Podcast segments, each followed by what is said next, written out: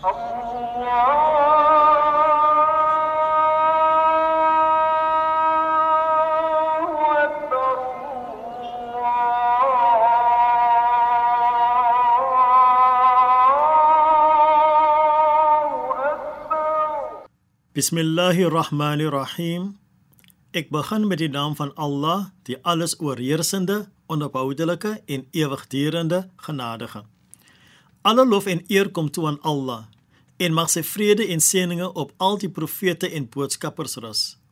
Ek vra ondersteuning van die boodskapper van Allah, die vriende van die boodskapper van Allah en van ons leermeesters. Assalamu alaykum wa rahmatullahi ta'ala wa barakatuh. Die vrede en seëninge van Allah op u. Abu Razin vra soos verhaal in Sunan Tirmidhi vir Nabi Muhammad sallallahu alayhi wasallam. Waar was Allah voor die skepping? Die Nabi antwoord en sê: Daar was Allah en niks anders nie. En die digter het ook gesê dat alles verganklik en vernietigbaar is behalwe Allah. In baie van die verhalings in die ahadith waar die Nabi byvoorbeeld sê dat Allah gedurende die laaste derde van die nag na die Sama'u Dunya kom en vra: "Is daar enige een wat vergifnis soek sodat ek hom kan vergewe?" Dan kry mens die indruk dat dit 'n baie moeilik of selfs onmoontlik is vir Allah om op verskillende plekke op die verskillende tye van alles te hoor en alles te hanteer.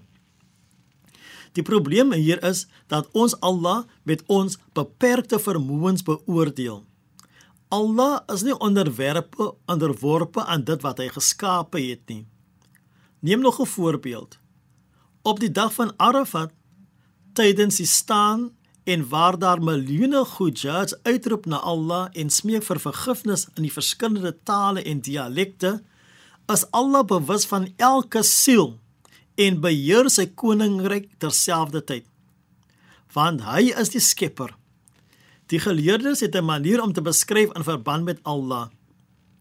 Indien ons enige prentjie in ons geestesoog oproep en dink dat Allah so lyk, wees verseker dat Allah nie so lyk nie. Allah kan nie omvat word deur ons menslike brein en gedagtegange nie. Die Nabi vrede en seëninge op hom het 'n dua gemaak en gesê: "O Allah, U is die eerste en daar is niemand voor U nie. En U is die laaste en daar is niks na U nie. U is die gemanifesteerde, so niemand is bo U nie. Terselfdertyd is U die versteekte, so niks is onmoontlik vir U nie." Hierdie hadith word versterk deur die verse in Suratul Hadid waar Allah sê dat hy die eerste en die laaste is, gemanifesteer sowel as verborge is en hy dra kennis van alles. Allah is egter nie vervreemd van sy skepping nie. Aardse konings is meerendeels verwyderd van hulle onderdane en is slegs bewus van dit waaroor sy teenwoordigheid en sy verteenwoordigers vir hom inlig. Die Nabi het ons ook geleer om na Allah uit te roep op sy allerhoogste name wat te vind is in die volgende surat in Surat al-Baqarah, in Surah Ali Imran en Surah Taha. En hierdie name is Al-Hayyu Al-Qayyum, die ewig lewende, die ewige onderhouer.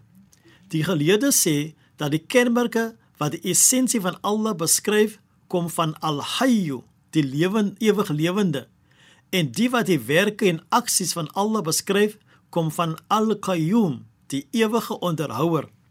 Allah raak nooit ouer of onkapabel nie. Hy raak nie moeg nie en hy slymer nie. Hy is altyd in beheer. O Allah, vergun ons ewige lewe in die hiernamaals, want U is Al-Hayyul Al-Qayyum.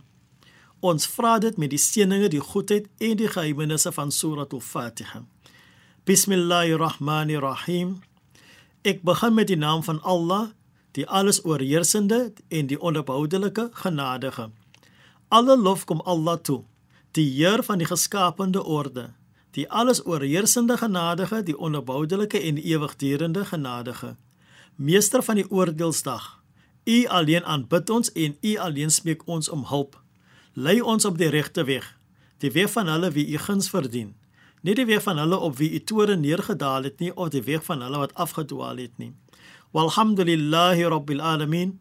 En alle dank en lof kom toe aan Allah.